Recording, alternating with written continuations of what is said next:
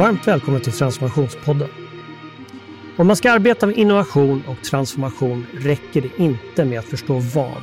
Man måste också förstå varför. Därför ska vi idag prata beslutsunderlag och speciellt vikten av att använda kvalitativ data och inte bara förlita sig på kvantitativ. Min personliga reflektion är att organisationer är alldeles för dåliga på detta och därför har jag spelat in det här avsnittet med min kollega Kalle Jägers. Jag heter Tobias Eklund och hoppas ni finner samtalet värdefullt. Ja, varmt välkomna till ännu ett avsnitt av Transformationspodden. Det kan vara det 70 i ordningen. Min ambition med det här avsnittet eh, det är att göra ett avsnitt som jag önskar att jag själv hade hört för 15-20 år sedan. Och det här handlar om beslutsunderlag, data, statistik eh, där jag själv har lite aha-upplevelser eh, som jag tänker reflektera tillbaka till. Med mig idag har jag för någon gång i ordningen min vän och kollega Kalle Jägers. Välkommen Kalle! Jajamän, tack för det! Dagens ämne, Kalle. Eh, vi kan väl backa tillbaka till att, att du och jag, när jag började på Hello Future, och det, jag tror att det är åtta år sedan, så fick vi i uppdrag att kuska land och rike runt för att göra en serie djupintervjuer med lokala VDR och eh, ja, utan att eh, öppna upp för mycket, men ett antal lokala VD runt, runt om i Sverige. Eh, just göra djupintervjuer och förutom den fantastiska algsalladen i Värnamo så var väl den stora behållningen att just få den aha-upplevelse som det innebar för mig att få fram den typen av insikter, den typen av liksom, ja, beslutsunderlag och data som de här djupintervjuerna gav. För jag hade en historik av att i 15 år innan dess sitta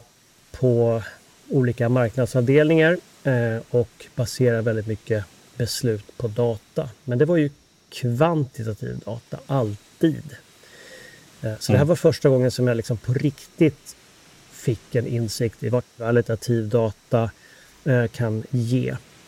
Eh, och det önskar, jag, det önskar jag verkligen att jag hade haft koll på innan. För menar, när man tittar tillbaka så fattade jag en hel del beslut som jag inte skulle ha fattat på samma sätt i alla fall. Kanske samma beslut, men absolut inte på samma sätt med samma risk vad gäller utveckling av digitala plattformar och eh, nya erbjudanden och sådär.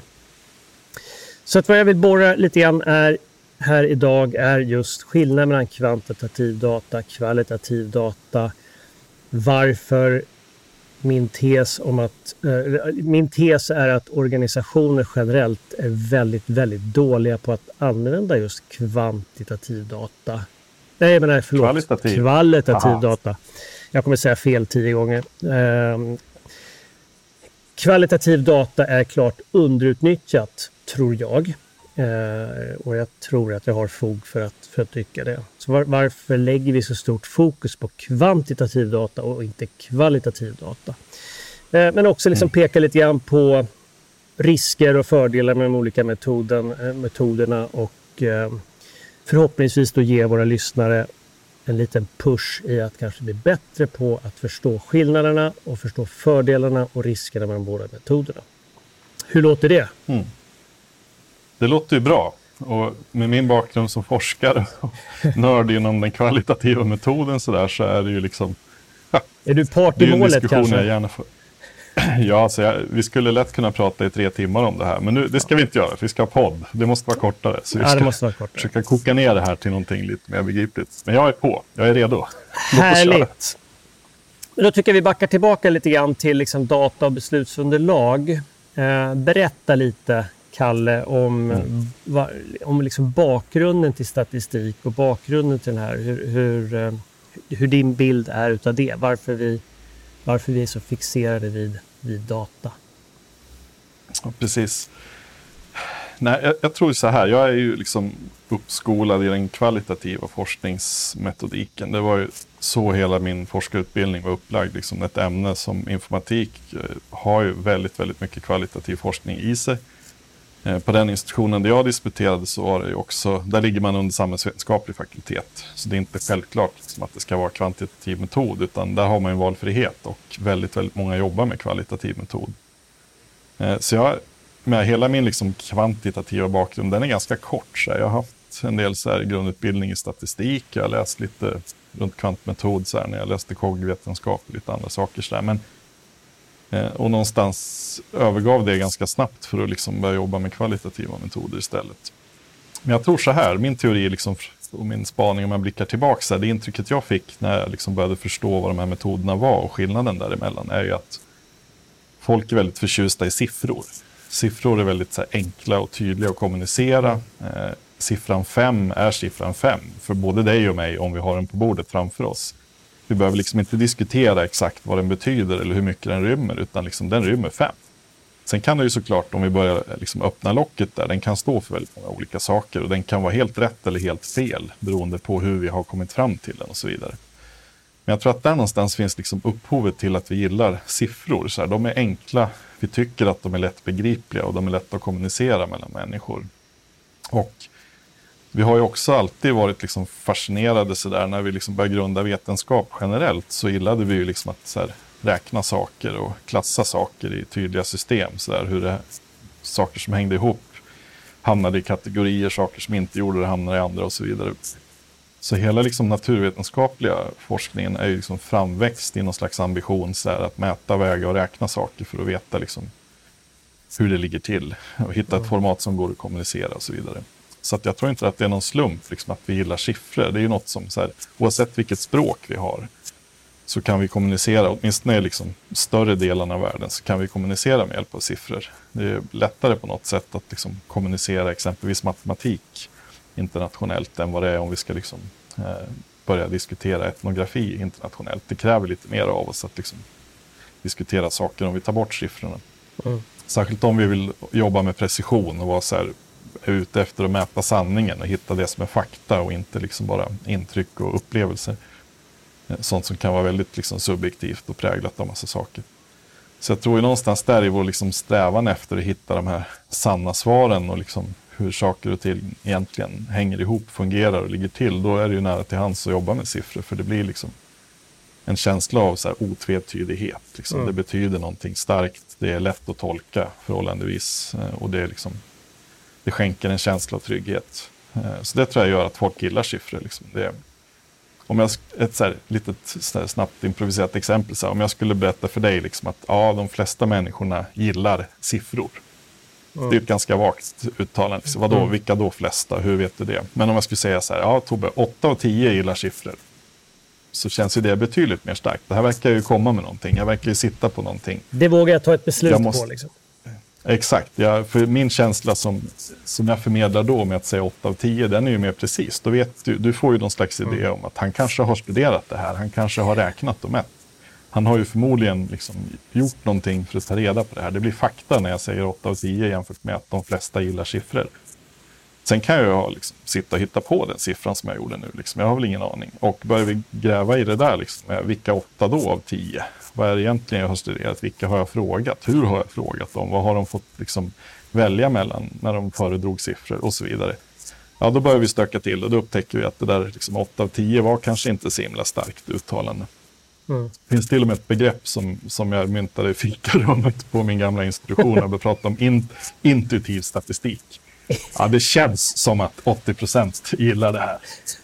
Intuitiv liksom, statistik. Ja ja, högst ovetenskapligt. Men det är liksom någonstans, tycker jag, fångar ändå någonting där. Att vi, vi kan liksom luras att tro väldigt starkt på utsagor om vi använder siffror. Folk som använder siffror verkar mycket trovärdigare än folk som inte gör det. De verkar som vara klara, de verkar ha kommit till någon slags punkt där de har någonting som håller och de verkar ha någonting liksom tydligt att kommunicera som vi lätt kan liksom förhålla oss till. Det. Känns det rimligt eller inte när han säger 8 av 10? Det är liksom en, en tydlighet sådär. Och eh, verkar väldigt övertygande. Så att jag tror att där någonstans finns det liksom bakgrunden på något sätt. Det finns säkert en bättre förklaring till varför vi är så förtjusta i siffror än den här hobbyteorin. Men, men jag tror ju ändå liksom att, att det finns någonting där. Liksom att vi, vi är väldigt attraherade av enkelheten i siffror. Mm. Eh, bör man titta på liksom kvalitativa metoder och vad som produceras där, så kräver det också väldigt mycket mer av liksom läsaren av ett resultat för att förstå resultatet. Man måste sätta sig in i betydligt fler saker för att liksom kunna bedöma en utsaga som någon kommer med eller liksom förstå en insikt. Det är lite mer krävande. Man måste liksom anstränga sig mer för att förstå ett kvalitativt resultat och kunna förhålla sig till det. Så det tror jag också är en, en så klassisk mänsklig lathet. Det är liksom enklare och snabbare att jobba med siffror än att liksom behöva läsa text och förstå en illustration eller liksom förstå en visualisering av ett kvalitativt resultat. Mm. Så det, det, alltså, tror jag också det, det, det är typ, nu är det, det är säkert 30 års, det är, ja, det är ganska precis 30 år sedan jag läste statistik, 10 poäng eh, på universitetet. Och det kan ju vara att jag är gammal och gaggig, men jag minns liksom inte att, att, eh, så att säga, den, den kvalitativa delen utav eh, det, det, jag kommer inte ihåg att kvalitativa undersökningar nämndes. Det kanske det gjorde. Det som fastnade var ju den kvantitativa uppenbarligen. När började man liksom... Eh, har du någon koll på hur, hur liksom historiken kring kvalitativa undersökningar ser ut? Alltså att, att, att siff ja. Siffror har vi ju liksom jobbat med länge och den typen av statistik har väl antagligen då, nu sitter jag och verkligen gissar här, men i samband med liksom vetenskapen och industrialisering och så, här, så har vi liksom vikten av den typen av beslutsunderlag ökat. Mm. Men, men den kvantitativa, fast nu säger jag fel igen, kvalitativa historiken, har, har du någon koll på den? Ja, inte så bra så att jag slipper skämmas kan jag säga. Men, men jag skulle säga så här, liksom, vad, vad jag minns när jag tänker tillbaka var liksom att mycket av källorna man jobbar med och så det som hade fått störst genomslag då i kvalitativ metod, det var ju sånt som har liksom fått lite ljus på sig efter andra världskriget liksom framåt, eller så 50, 60, 70-tal. Men jag tror att man har ju jobbat kvalitativt längre än så. Eh, och tittar man tillbaks så har det ju liksom alltid funnits forskare som har bedrivit kvalitativ forskning och försökt liksom hitta sakers eh, eh, säga, beskrivna natur på ett annat sätt än med siffror. Och vi har sett det inom liksom, psykologi, det har funnits gubbar som har jobbat där rätt mycket. Man har försökt förstå en massa olika saker så där, runt, framförallt runt mänskligt beteende. Och jag tror att det är väl där någonstans också som det uppstår. Liksom, att, ja men okej, vi kan ju liksom, eh, räkna hur många vi har av, av, en viss typ av människor. Men vi bör för, försöka förstå så här, hur människor i grupp beter sig och varför de gör saker och hur liksom, sociala saker fungerar och hur liksom, psykologiska saker fungerar och liksom sånt som inte är lika enkelt att så här, operationalisera i en mätbar siffra på en skala. Även om man gör mycket sånt inom psykologi också. Så jag tror att det är där någonstans som jag tror att det här börjar bli någonting liksom mer allmänt. Eh, sen har det också, tänker jag, så här, kommit vid ett antal tillfällen liksom, mer så här, kvalitativt baserade studier som har fått genomslag. Så här, att man har haft liksom, etnografer som har ut och studerat folkslag, hur de beter sig och liksom, kommer med spännande och intressanta resultat så här, som får lite uppmärksamhet. Mm.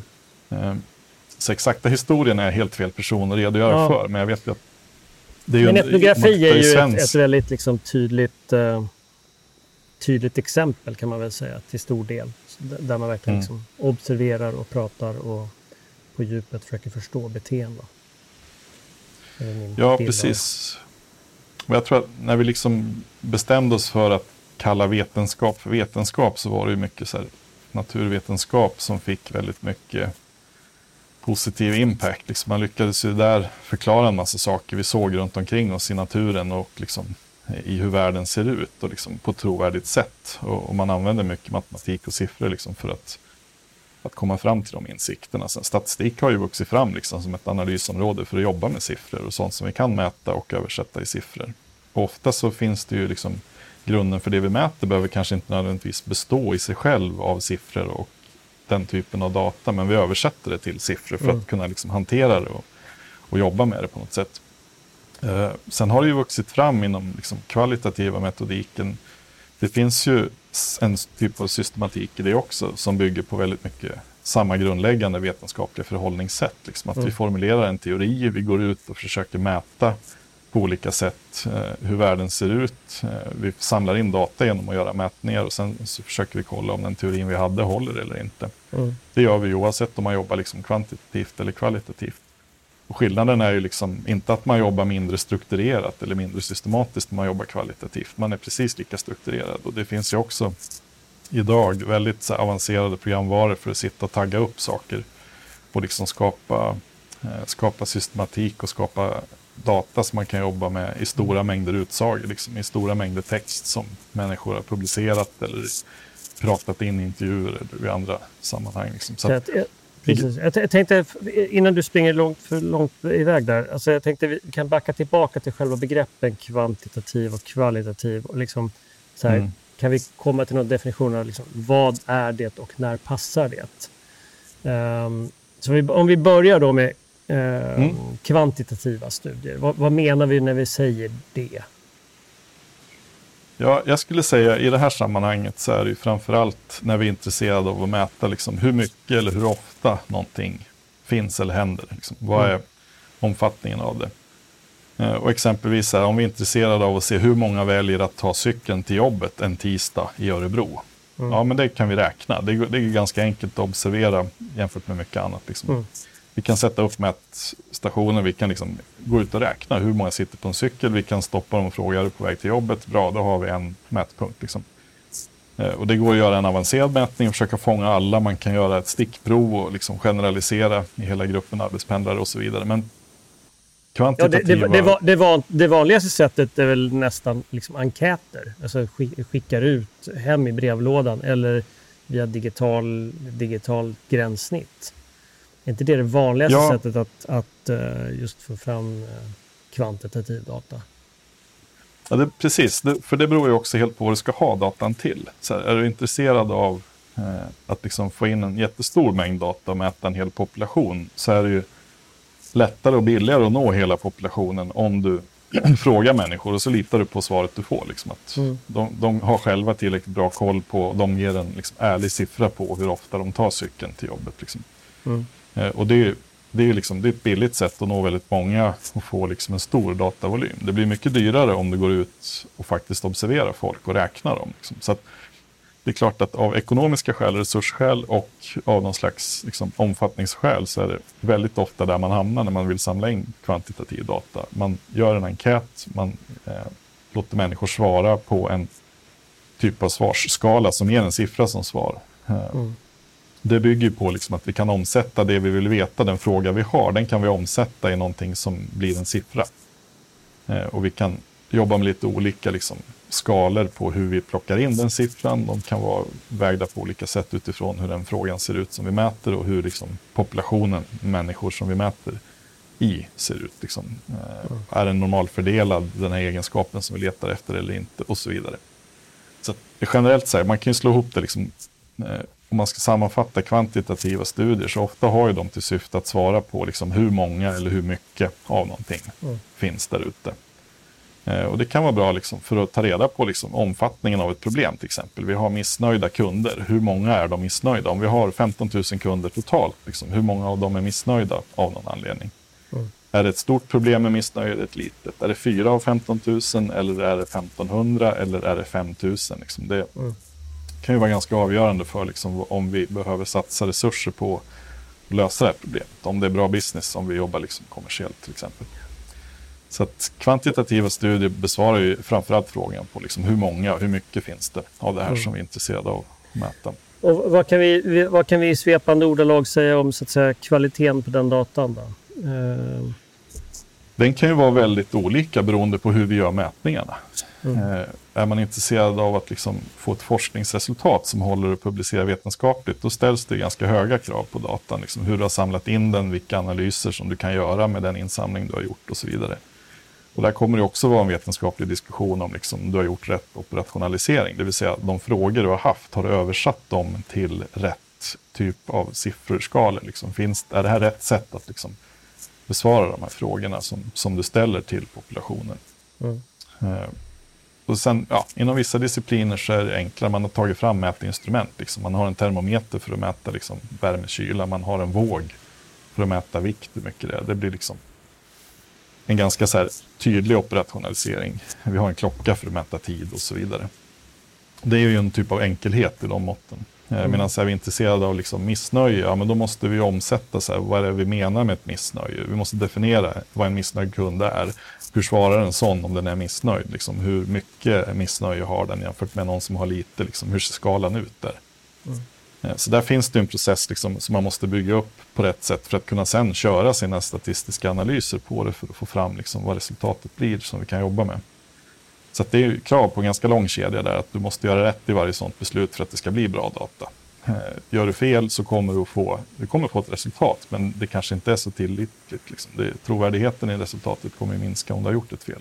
Mm. Nej, jag, tänk, jag tänker på, alltså man möts ju ibland av liksom enkäter, man får dem utskickade via e-post och sådär. Och där märker man ju tydligt att, eller i alla fall jag, så här, ja men det här är nog kanske inte framtaget av en statistiker som, som på, liksom, på allvar kan, kan uh, sätta upp ett, ett, ett frågebatteri på ett, på ett korrekt sätt med korrekta, korrekta frågeskalor och så vidare. Så att, eh, i, mitt intryck är ju att tyvärr så spenderas det... Jag antar då att effekten av det är att ta sig en massa beslut på väldigt undermålig statistik. Absolut, så tror jag det är det har ju blivit extremt enkelt att sätta ihop en digital enkät idag. Liksom mm. Det finns färdiga verktyg i, i, olika plattformar där du bara kan slänga ihop frågor, välja en typ av svarsform som du tycker känns bra utifrån en fråga du har ställt. Liksom. Eh, mm. Och människor är vana att svara på frågor så också. Vi har ju liksom nåtts av de här enkäterna under rätt många år. Så att sätta en liksom siffra 1 till 5 på hur glad känner du dig just nu, där 5 är max och 1 är minst, ja men okej, det gör vi utan problem. Sen kanske vi inte riktigt liksom är medvetna om vad skillnaden är mellan 2 och 3 till exempel. Vart går gränsen mellan en 2 och en 3 och vad är liksom betydelsen av att du är 4 och inte 2? Det kanske blir lite klurigare sådär om man börjar brottas liksom på den nivån med det. Men jag, jag, håller med, det är ju rätt många enkäter som man besvarar där man känner att okej, okay, här är det uppenbart att det inte är någon kunnig statistiker inblandad. Jag tror, Även jag tror att det är ganska, ganska många så här ung företagsamhet, startups, som, som, som har gått i diket på grund av undermålig data. Jag befinner mig i en ålder och det gör ju du också när, när vi har liksom barn som är i gymnasieåldern och en del håller på med ung företagsamhet och så får man ut av kompisar och så här, kan du, ni besvara min dotters eller sons eh, enkät här? Och så handlar det om någonting och man märker att den här datan kommer de inte överhuvudtaget fatta någonting av när man samlat ihop. Men, äh. Nej, det är ju ett hantverk att konstruera bra frågor i det här sammanhanget. Det är ju mm. oerhört lätt liksom att frågan i sig blir liksom felställd. Du har formulerat en ledande fråga liksom, mm. som får folk att liksom, svara på ett visst sätt. Inte kanske utifrån vad som är liksom, den sanna faktan bakom, liksom, hur man egentligen är i det avseendet. Men frågan har lett den åt ett visst håll. Och det kan också vara så att liksom, just den här processen att formulera frågorna gör också att jag som besvarar enkäten kanske inte riktigt tolkar frågan på samma sätt som du som konstruerar enkäten. Liksom. Frågan är inte preciserad på ett sådant sätt som gör att liksom, det svar jag gett egentligen på den frågan du ställde, där kan det bli ett glapp redan där. Liksom. Så det, är ju, det är ju definitivt ett ganska avancerat hantverk tycker jag, att få till bra enkäter som ska besvaras för att funka kvantitativt. Liksom. Mm. Det, där får man jobba mycket med att testa sina frågor. Och som, ja, precis. Jag tror att med lättheten det är idag att skapa en enkät så tror jag att det är väldigt många som inte har gått igenom det rigorösa liksom, arbetet bara med att provköra sina frågor för att se om man har någon frågebias eller hur det ser ut liksom, när man konstruerar mm. dem. Så där, ja, smyger det sin brus där, då är resten kört. Man har jättetydliga siffror, man har ett väldigt tydligt, liksom, man kan få fram medelvärden, allt möjligt på det där som ser jättebra ut och tydligt. Men det är helt galet utifrån det man egentligen vill veta för att mm. man har inte konstruerat sina frågor på rätt sätt. Så, vad, vad, vad, kan vi ge några liksom så konkreta handfasta tips? Eh, några en, enkla sådana till någon som trots allt vill göra en enkätstudie och eh, inte har möjlighet att plocka in en statistiker och sådär? Vad är liksom så här, hygien? Ja, jag skulle börja med att liksom googla mig runt och försöka få lite grann sådär expertinput på liksom. Det finns ju många som är duktiga på det här och kommunicerar mm. runt det också. Så att, och inte gå i fällan att liksom så här, gå på det första enkla som jag kommer på, utan jag kanske behöver göra tio alternativa formuleringar på en fråga och provköra det. Jag kanske behöver liksom pilottesta min enkät i fyra, fem omgångar innan jag har rätt frågor för att gå ut och kolla. Eh, mm. Och man behöver kanske också här, ta sig tiden att provställa frågorna och sen efter intervjua och se liksom, när du fick den här frågan, hur uppfattar du den? Vad, hur tolkar du den? Liksom, för att försöka hitta någon slags här överensstämmelse med att ja, men de människor som får frågan tolkar den på samma sätt som jag som ställer den. Liksom, jag har lyckats hitta ett bra sätt att försöka mäta. Mm. Så det går att göra väldigt mycket så. Liksom. Jag tycker det är som vanligt när man liksom ska göra något man inte brukar göra eller kanske inte är liksom expert på. Så det finns mycket expertkunskap ute på webben. Liksom. Det går att googla fram rätt mycket tips och råd liksom, hur man ska göra. Och då upptäcker man också snabbt hur svårt det är. Mm. Eh, och hur mycket jobb det krävs för att få fram en riktigt bra enkät. Liksom det, och då är ändå bara halva jobbet gjort när man har lyckats formulera bra frågor utifrån vad man vill veta. Sen kommer nästa utmaning, liksom, vilka är det som svarar på den här egentligen? Mm. Eh, och är det liksom, har jag nått en speciell subgrupp där alla har ett starkt engagemang i frågan för att de är nöjda eller missnöjda? Liksom? Folk har ju en tendens att kanske inte lägga så mycket krut på att besvara saker som de egentligen är nöjda med eller sånt de inte tycker något speciellt om eller har någon bestämd uppfattning om, om det är liksom åsikter man är ute efter. Mm. Medan de som är missnöjda, kunder till exempel, har ju en, ett större incitament liksom för att vara med i en studie för man vill uttrycka det missnöjet. Och det är liksom, gäller ju generellt. Så här, det, är, det kommer bara bli så bra som man lyckas ställa frågor och lyckas få med rätt personer. Man har ju ingen garanti för att de här 2000 som har besvarat enkäten är bra personer för det här syftet. Mm. Vill man säkerställa att det är rätt, då ska man ju liksom kunna dra ett slumpmässigt stickprov liksom ur Eh, hela sin möjliga population av människor. Och då ska man ju också upp i en viss svarsfrekvens där för att man ska kunna kvala in och ens få köra någon statistisk analys på det, om man ska hårdra det.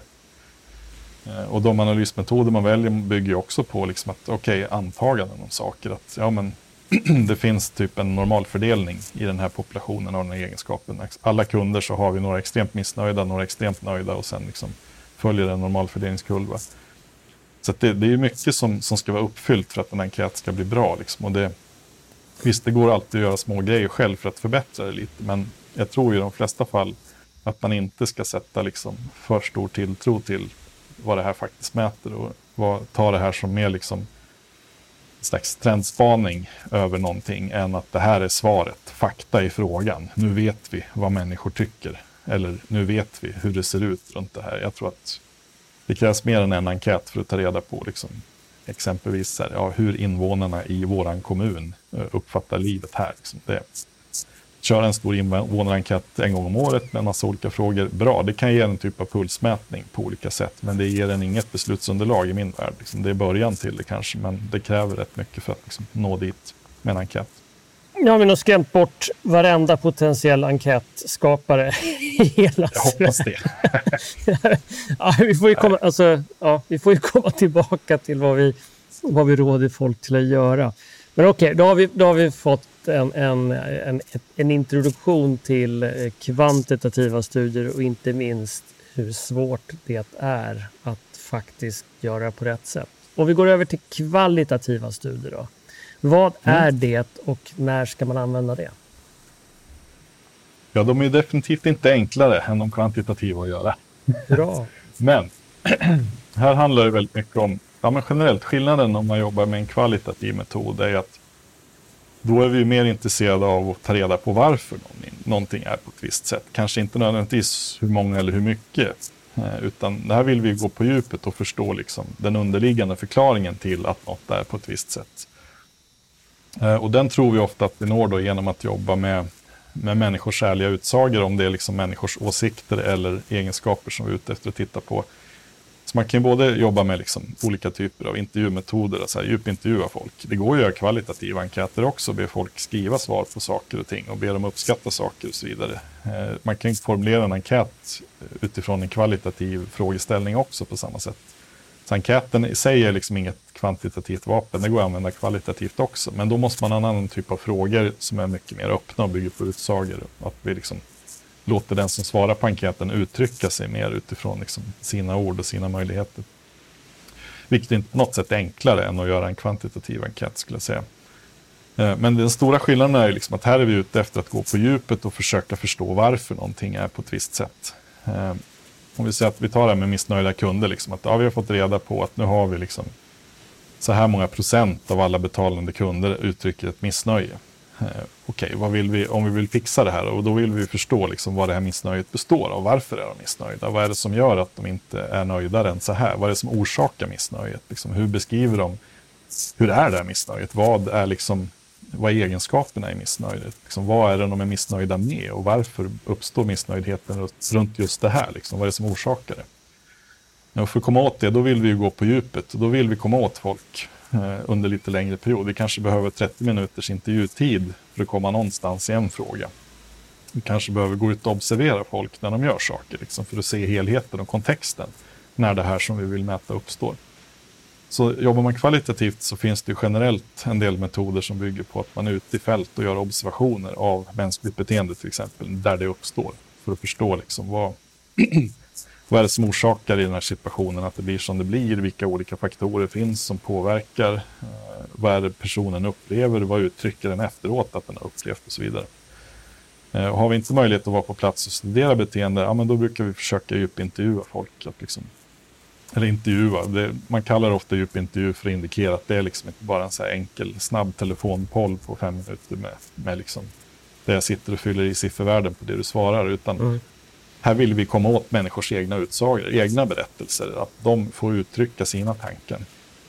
Eh, men man kan också använda det här när man liksom jobbar med design exempelvis. Okej, okay, nu har vi gjort en prototyp på en betalningslösning. Nu låter vi folk använda den prototypen och liksom tänka högt. Vilka intryck får de när de gör det här? Vad är lätt, vad är svårt i den här prototypen att göra? Liksom? Vad, hur tolkar jag olika saker som står? Saknar jag saker i den här designen? Finns det något som behöver ändras? Är det något som är svårbegripligt och så vidare? Så vi kan jobba kvalitativt i sådana lägen också, att utvärdera saker vi har skapat liksom, för att få, få människors, så nära vi kan komma, första hand upplevelse av hur det faktiskt är att använda det här som vi har skapat. Så kvalitativ metod går att använda liksom i lite olika skeenden, men det vi är ute efter generellt är liksom att komma åt de här mekanismerna och förstå vad det är som orsakar någonting. Varför någonting blir som det blir. Mm. Varför folk tycker på ett visst sätt och så vidare. Eller så, som i fallet här med våran, våran roadtrip. Um, som ju handlade om en, en kund till oss som skulle utveckla en, eller vidareutveckla en, en plattform. Vi åkte runt och pratade med de som använder det, vilket är liksom en väldigt begränsad bransch. Och den stora insikten som vi kom fram till var ju att plattformen i sig eh, inte var så viktig utan det var det community som våran kund skapade för de här i landet utspridda kunderna. Att de hade någon att prata branschrelaterade frågor med och så vidare. Mm. Och min, min så här, aha, det hade vi aldrig kunnat komma fram till vi hade aldrig kommit dit, absolut inte via en enkät, men knappast heller via liksom ett digitalt möte eller samtal. Utan det var ju i de här över de här kaffekopparna när vi satt och pratade. Jag tror vi hade två timmar per kund. Det var liksom mm. då det började utkristallisera sig att, att det, det största värdet som, som våran kund gav dem var just nätverksaspekten. Mm. Vilket gjorde att vi kunde utveckla, också... utveckla liksom en, en, en, tjänst som, som ja, låste in, eller liksom som, som, som, bemött, som mötte det behovet mycket, mycket mer än, än eh, vad det annars hade kunnat göra. Och också då en rad rekommendationer till kunden om att okej, okay, plattformen måste, den digitala tjänsten måste nå de här nivåerna. Men det verkliga mm. värdet som det ger och som gör att de i princip är prisokänsliga det är nätverksperspektivet och de rekommendationer som följer med.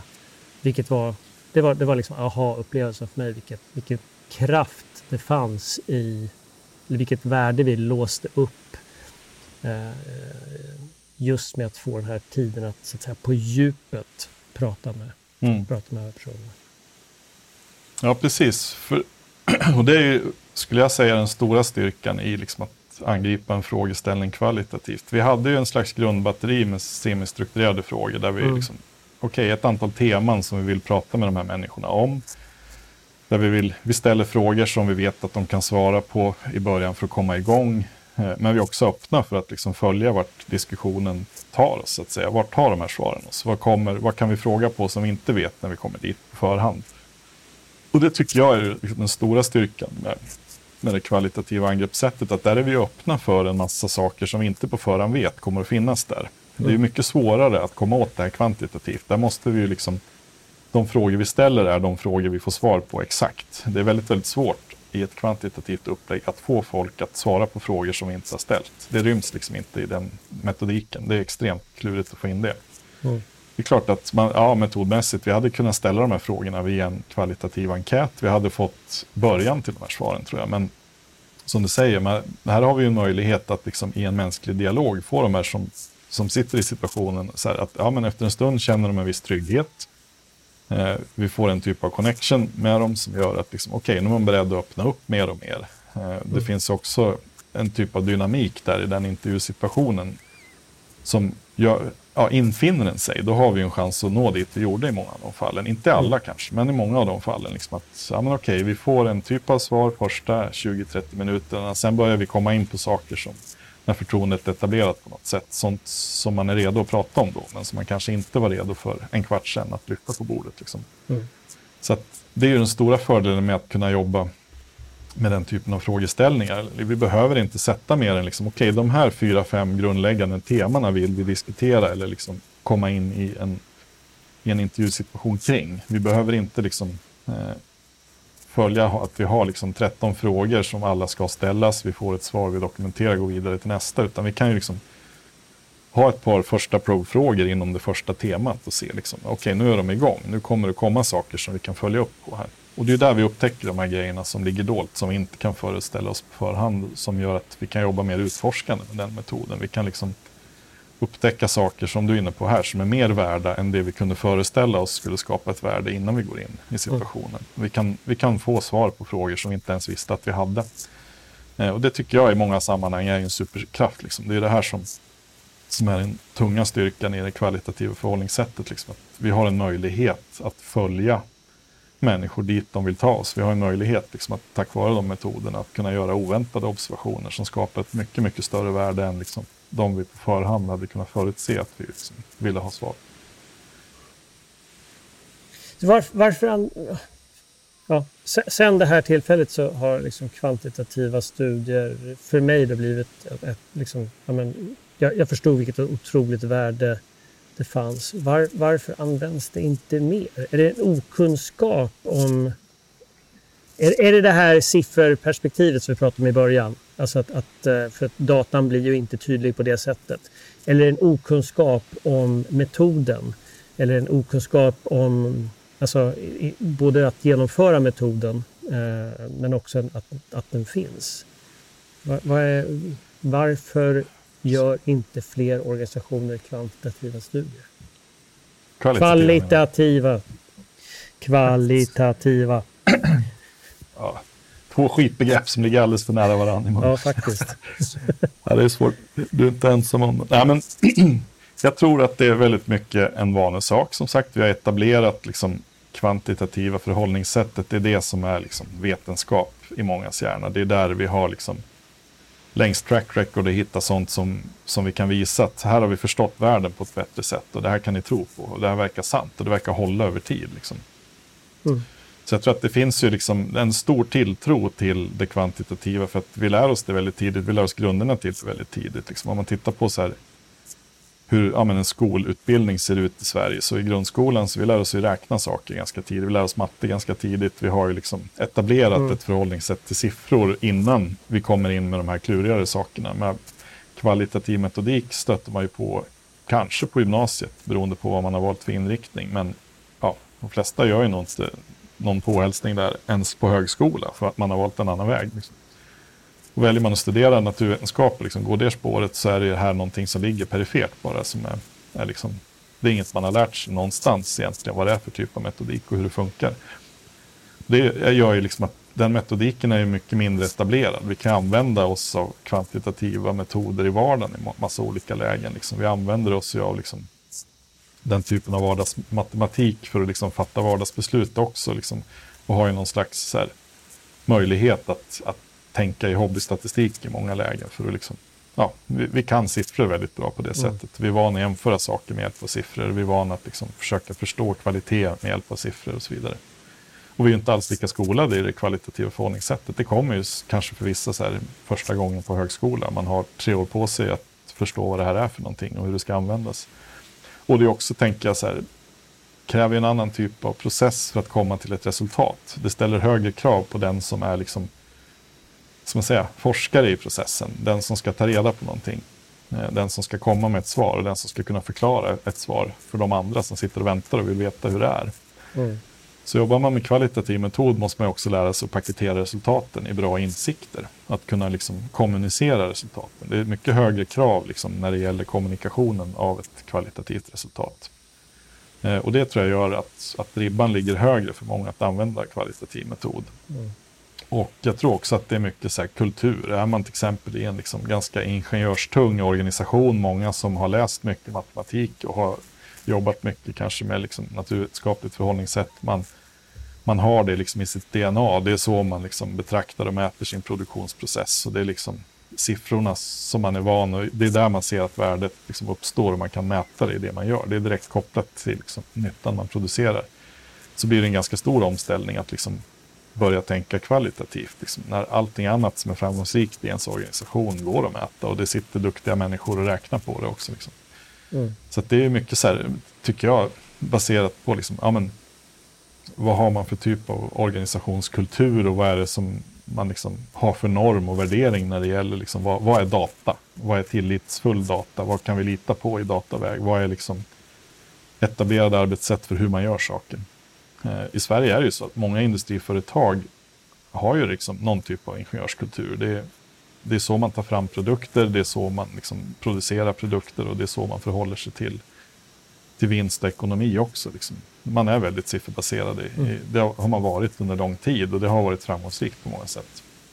Så det tror jag är liksom en stor anledning till att det är många som, som har svårt för att liksom ja, men, sätta sig in i vad det kvalitativa innebär och se värdet av det. Liksom. det. Det man har räcker väldigt gott om man tittar historiskt. Liksom. Man har inte haft något behov, tycker man i många fall, av att liksom, gå dit. De lägen man ser att det blir ett akut behov är ju liksom när man utsätts för någon typ av disruption. Har vi sett i många sätt. När man inser liksom att okej, okay, vi kommer inte kunna räkna oss fram till det vi ska göra om fem år. Liksom. Våra planer som vi har gjort nu, de håller inte. Världen beter sig inte riktigt på det här sättet som vi har historisk data på, som vi kan utgå ifrån när vi ska försöka förstå vad som händer imorgon. Och I samma stund man hamnar där, då inser man ju också begränsningarna i liksom det kvalitativa förhållningssättet. De prognoser vi har räknat fram kvantitativt utifrån liksom befintlig data, de håller inte. Det är någonting som har ändrats i världen mm. som gör att de faller. Vad gör vi nu? Det tror jag öppnar upp för väldigt många. Jag tror att många nu som brottas med liksom innovationsutmaningar, att man behöver hitta radikalt nya sätt att göra saker på eller liksom förstå omvärlden och se vad man borde göra för att liksom bidra till en ökad hållbarhet. Där tror jag att man upptäcker liksom att man har en ovana, eller man har inte vanan att jobba med ett kvalitativt förhållningssätt till väldigt mycket, vilket gör att man måste skola om sig i någon mening. Man måste jobba med, med den typen av tänkande för att liksom, eh, bygga upp den här vanan som man kanske inte har haft något behov av historiskt. Mm. Och det tror jag är en förutsättning för att kunna lyckas. Mycket av det vi gör liksom inom designområdet, mycket av det vi gör inom innovationsmetodik är ju baserat på kvalitativa metoder. Det är liksom mm. metoder som bygger på de här grundsakerna, att vi utforskar sånt vi inte vet på förhand vad det är för någonting och vi behöver liksom komma åt människors upplevelser snarare än liksom att mäta och väga och observera hur mycket de gör någonting. Liksom. Nu ska vi försöka i många fall förutse ett framtida beteende och framtida behov. Det kan vi inte räkna fram genom att titta historiskt på vilken data vi har på hur behoven ser ut idag. Liksom. Eh, så jag tror att det är mycket liksom den här traditionen och vanan av att jobba med ett sätt framgångsrikt inom många olika delar. Det har ju påverkat också hur vi ser på mycket annat. Liksom. Ja, men industrin har varit framgångsrik och väldigt ingenjörsmässig i Sverige det har ju påverkat hur vi har försökt bygga upp liksom, offentlig verksamhet också. Liksom, och hur vi har liksom, skapat kontrollsystem och styrsystem för, för vård och omsorg till exempel, som egentligen är hämtat och influerat från hur man sätter upp en fabrik som ska bygga bilar. Liksom. Det blir ju en mm. jättekrock och jag tror att mycket av utmaningarna i offentlig sektor bygger på det, grund, ja, det grundfaktum att man liksom har låtit sina styrsystem och sitt organisationssätt influeras av någonting annat som egentligen inte är samma. Mm. Så det visar ju på hur stark den här traditionen har varit i Sverige. Liksom. Att vi, är väldigt, vi är vana att liksom, lita på det kvantitativa. Vi är vana att liksom, försöka mäta, väga och styra saker med hjälp av den typen av liksom, siffror och logik mm. och ingenjörsmässiga tänkandet. Vilket kanske inte alltid passar i de situationer vi är tyvärr. Mm. Jag upplever också ibland att det, alltså, man, man, det är en resursfråga. Eh, det är klart att, att eh, tio djupintervjuer av två timmar kostar ju mer i resurser än att skicka ut en enkät. Eh, mm. Plus, då, plus då, så att säga analysen utav det som man då får in på de här, på de här eh, mm. tio djupintervjuerna. Ja, och det går ju som att göra bra och dåliga saker inom båda disciplinerna. Det, det är ingen garanti för att du får en bra studie för att du jobbar kvalitativt. På samma sätt mm. som det inte är någon garanti att du får en bra för att du har ett kvantitativt förhållningssätt. Så jag tror ju så här att ja, om du ska göra en så här halvbra kvantitativ studie så kanske du kommer billigare undan i korta loppet med liksom vilka resurser du lägger in jämfört med en halvbra kvalitativ studie. Men om du ställer en riktigt bra kvalitativ studie mot en riktigt bra kvantitativ så skulle jag säga att kostnaden är ungefär densamma. Det är inte mm. nödvändigtvis så att det är dyrare att jobba kvalitativt. Det är en annan typ av kostnad som uppstår eh, på andra ställen. Eh, för man ska då, räkna, en, då räknar liksom... vi inte heller med en potentiell kostnad av en felsatsning. Exakt. Den ligger där. Sen är det också förberedelsetiden för att få ut en riktigt bra designad kvantitativ enkät. Skulle jag säga. Den underskattas ju rejält och mm. det, då blir det ju billigare. Liksom. Om man inte gör det grundjobbet på rätt sätt, ja då blir det billigare att dra ut en enkät lite snabbt jämfört med att liksom, lägga 150 timmar på ett kvalitativt case som dessutom kanske bara är 10 respondenter. Mm. Och eftersom vi är vana att jämföra siffror så blir det ofta så också att man stirrar sig blind på antal. Liksom att, ja, men har vi skickat ut en enkät och fått 400 svar så känns det som att det är mycket bättre än om vi har djupintervjuat 10 personer. Mm. Eh, Ber berätta lite grann om, om liksom det här, för det tycker jag är lite fascinerande, om, om mängd, alltså, mm. säga, mäng, mängd i kvantitativa studier. Ja, alltså, i grunden så finns det en koppling till analysmetod. Så här, om vi vill kunna köra en korrekt analys så finns det ofta många, alltså, många metoder ställer kravet på att liksom, det ska finnas en normalfördelning av den egenskapen och vi måste ha ett sample som är minst 30 för att vi ska kunna liksom köra det här och få ut ett vettigt resultat. Vilket har gjort också att så här, ja men okej, 30, då minns folk det från statistikkursen. De minns inte så mycket mer. Men att ja, men det borde vara 30 personer i en studie, annars kan man ju inte säga någonting. Så, nej, kanske inte med just det statistiska liksom, analysverktyget. Men det här är ju inte heller sant överallt inom liksom, statistik och kvantitativt, att det måste vara 30. Det finns vissa fall där det absolut inte räcker och det finns fall där man kan klara sig på mindre och det går att kompensera ibland för att det är färre och så vidare. Eh, men om man tittar på andra sidan, i det kvalitativa upplägget, vi kommer ju inte att köra den typen av analysmetoder. Det finns ju ingen magisk siffra som säger när man har tillräckligt många. Det man kan se istället om man jobbar kvalitativt är att man ofta når någon slags mättnad i resultatet. När den mättnaden infinner sig, det är helt olika. Men mättnaden består i liksom att vi inte hittar något nytt. Vi, vi, fortsätter att intervjua folk, men vi kommer inte till några nya observationer. De fortsätter i princip bara att hitta samma saker. Och då kanske det är värt att stoppa där. Men om det sker efter fyra personer, eller om det sker efter 15, eller om det sker efter 150, det vet vi inte när vi börjar. Det är väldigt svårt att förutsäga. Eh, och det gör ju också att det blir lite mer eh, det blir svårare att prata om så exakta värden när vi pratar om kvalitativ metodik och veta när är det många nog, när har vi tillräckligt mycket.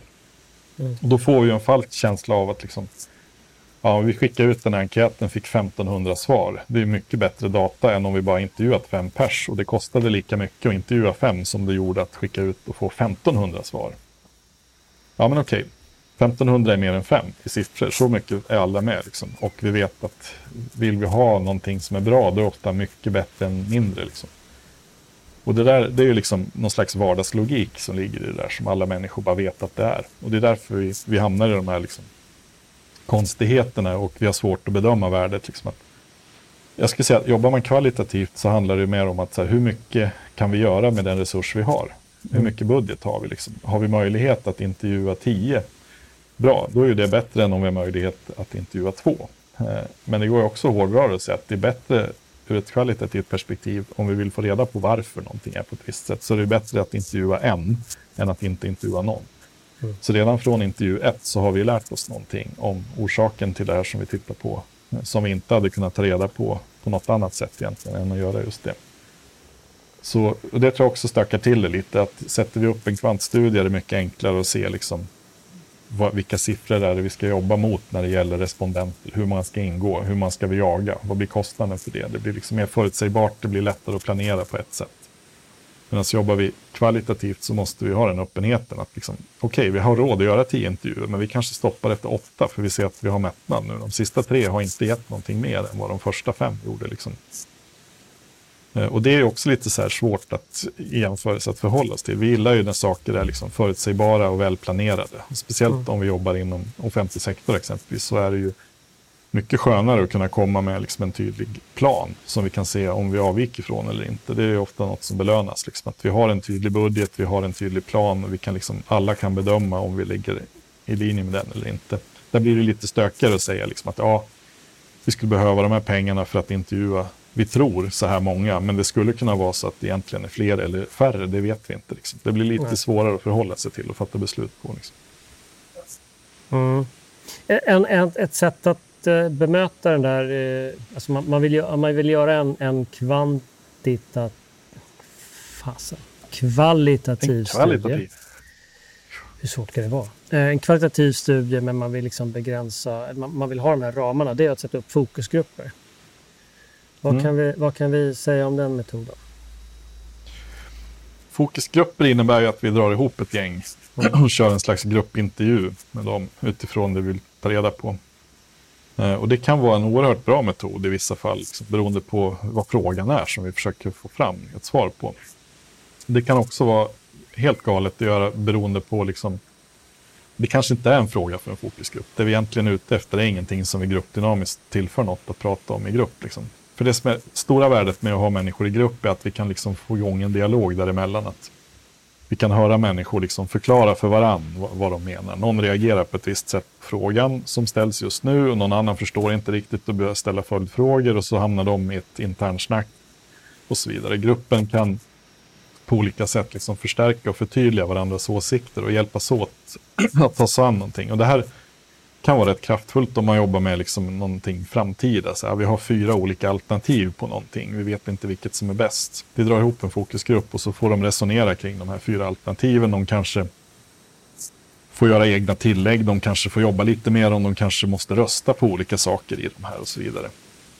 Eh, så i en fokusgrupp, så om det är en bra sammansatt grupp så kan man få en jättebra gruppdynamik och de kan trigga varandra på ett sätt. Och man kommer bort lite grann från det som kan vara en risk i, ett kvalitativt intervjuupplägg, att man får en intervjuareffekt. Liksom att den som svarar på frågorna på olika sätt så här, känner att de behöver liksom, gå intervjuaren till mötes. Så att man försöker liksom, göra intervjuaren nöjd. Eller att man kanske inte vill riktigt framstå som dum ibland. Man törs inte liksom, visa okunskap i vissa frågor. Så där. Man törs inte, liksom, inte ha en åsikt och så vidare. Går man in i en fokusgrupp så är det lättare att inte ha en åsikt när man inte har någon och det är också lättare att liksom, hänga på andra.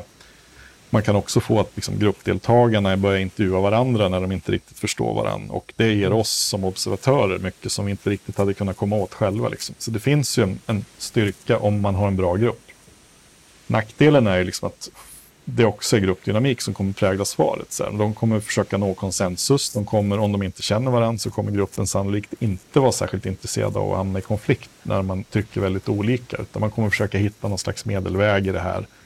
Någon slags artighet med varandra så att det blir schysst stämning. Det kan också vara så att man har en eller flera väldigt dominanta individer i den här gruppen som påverkar de andra väldigt mycket.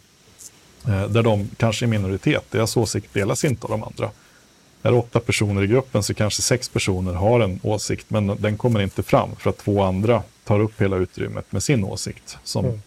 kanske inte är korrekt för den här populationen eller ja, för helheten i sig, men de är så pass starka socialt i den här gruppen så att de, de tar den platsen och kör över de andra.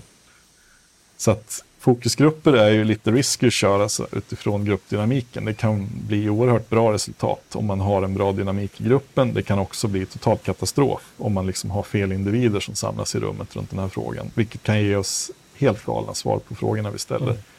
På samma sätt som eh, en liksom snabbt hopsnickrad liten enkät som jag egentligen inte riktigt har koll på vad jag gjort och så skickar jag ut den. Gör liksom. Så fokusgrupper skulle jag säga är ju ett starkt vapen om man tillämpar dem på ett bra sätt och man lyckas få ihop bra grupper. Eh, då är det en oerhört bra metod. Men risken finns att man av praktiska skäl och resursskäl gör, istället för att göra åtta intervjuer, så gör man en fokusgrupp med åtta pers. och hoppas på att få samma resultat. Det får man inte. Eh, Man kan få ett bra resultat, man kan få ett jättedåligt resultat. Men man kommer garanterat inte få exakt samma resultat som om man faktiskt hade låtit var och en av de här bli intervjuade. Exempelvis. Ja, känslan jag har efter det här är ju att vi lämnar våra lyssnare, lyssnare i någon sorts totalt vakuum eftersom det finns så mycket fallgropar oavsett vilken studie, vilken metodik man använder. Eh, men, men om man ska försöka liksom samla ihop allt det här. Vad, vad liksom, var, var ska man börja? Om vi, om vi försöker sammanfatta allt detta. Eh, Mm. några, några liksom do's and don'ts. Tänk på det här.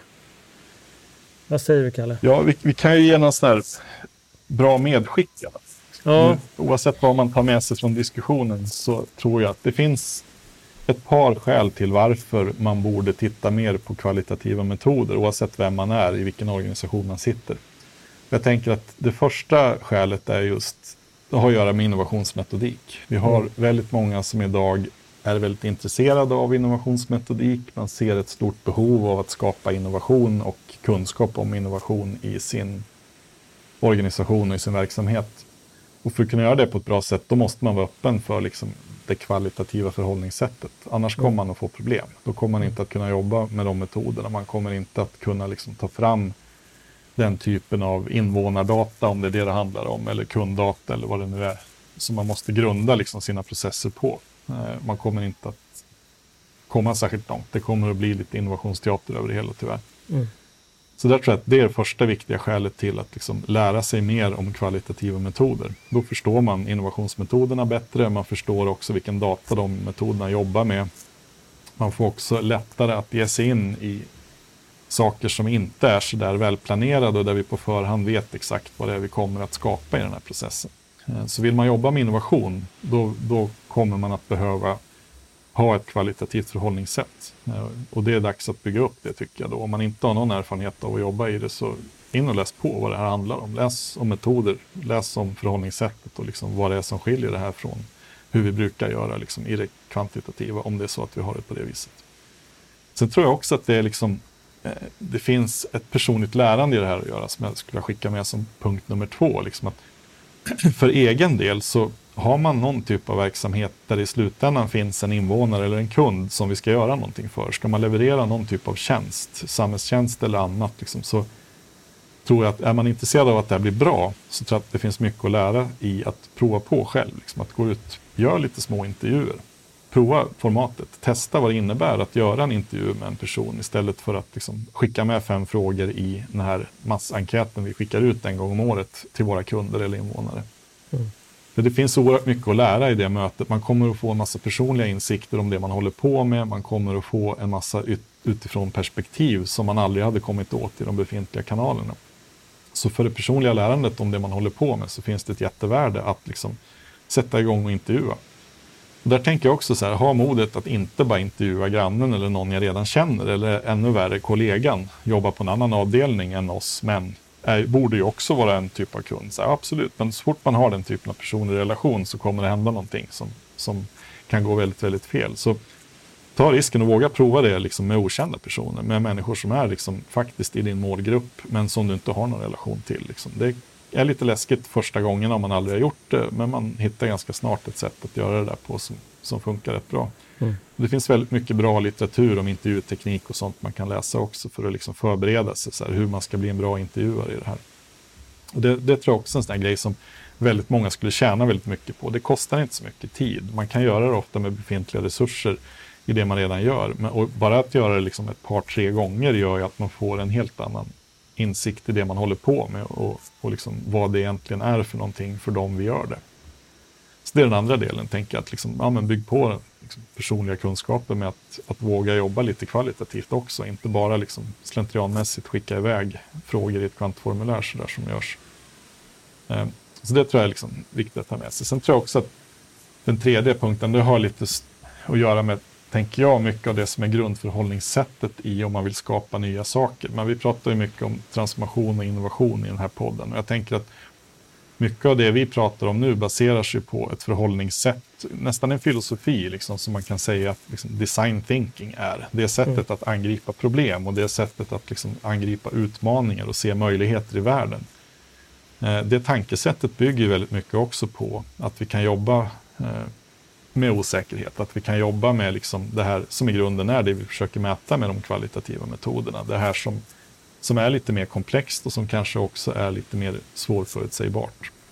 Så jag tror, vill man rusta sig för det förhållningssättet så tror jag också att det är liksom, eh, en väldigt bra väg att börja med. Liksom, vill man ha någonting som känns lite mer systematiskt, som man känner igen mer, så, här, så tror jag att det kan vara ganska svårt att hoppa från. Liksom, är man en stark ingenjörstradition till exempel, så går man in och börjar göra innovationsmetodik. Att hoppa rakt in i design thinking tror jag kan vara ganska utmanande för många. Jag tror att det finns ett litet mellansteg att ta där och börja titta på, liksom, okej, okay, men kvalitativ metod Mm. Jag kommer att känna igen mycket av systematiken ifrån det kvantitativa. Jag kommer att liksom se att ja, men det finns ju struktur. Det här är ju inte bara flum eller liksom någon slags här, känna av rummet healing som vi handlar om här. Utan det finns en systematik och en struktur i det här. Och inser man det, då tror jag också att det är lättare sen att ta klivet över och börja sätta sig in i hur förhållningssättet som ligger till grund för design thinking egentligen är, är beskaffat. Mm. Så jag tror att det är de medskick jag tänker sig spontant ta med sig. Liksom det, Kanske det börja, finns börja i någon värde. enkel fråga där man verkligen behöver förstå varför. Inte, ja. inte vad. Sen finns det också mycket hjälp och det är som en fjärde grej kanske att skicka med. Det finns mycket hjälp att få, liksom. även om man kanske inte är redo att göra allting det här själv, vilket ställer ett rätt högt krav på liksom, den person som ska göra de här sakerna, eller de personerna det finns hjälp att få. Det finns människor som är duktiga på att jobba med kvalitativ metod. Man hittar dem ofta i liksom tjänstedesign-sammanhang, eh, i innovationssammanhang. Eh, då, jag tänker att de människorna borde få mer plats i beslutsunderlagsprocesserna.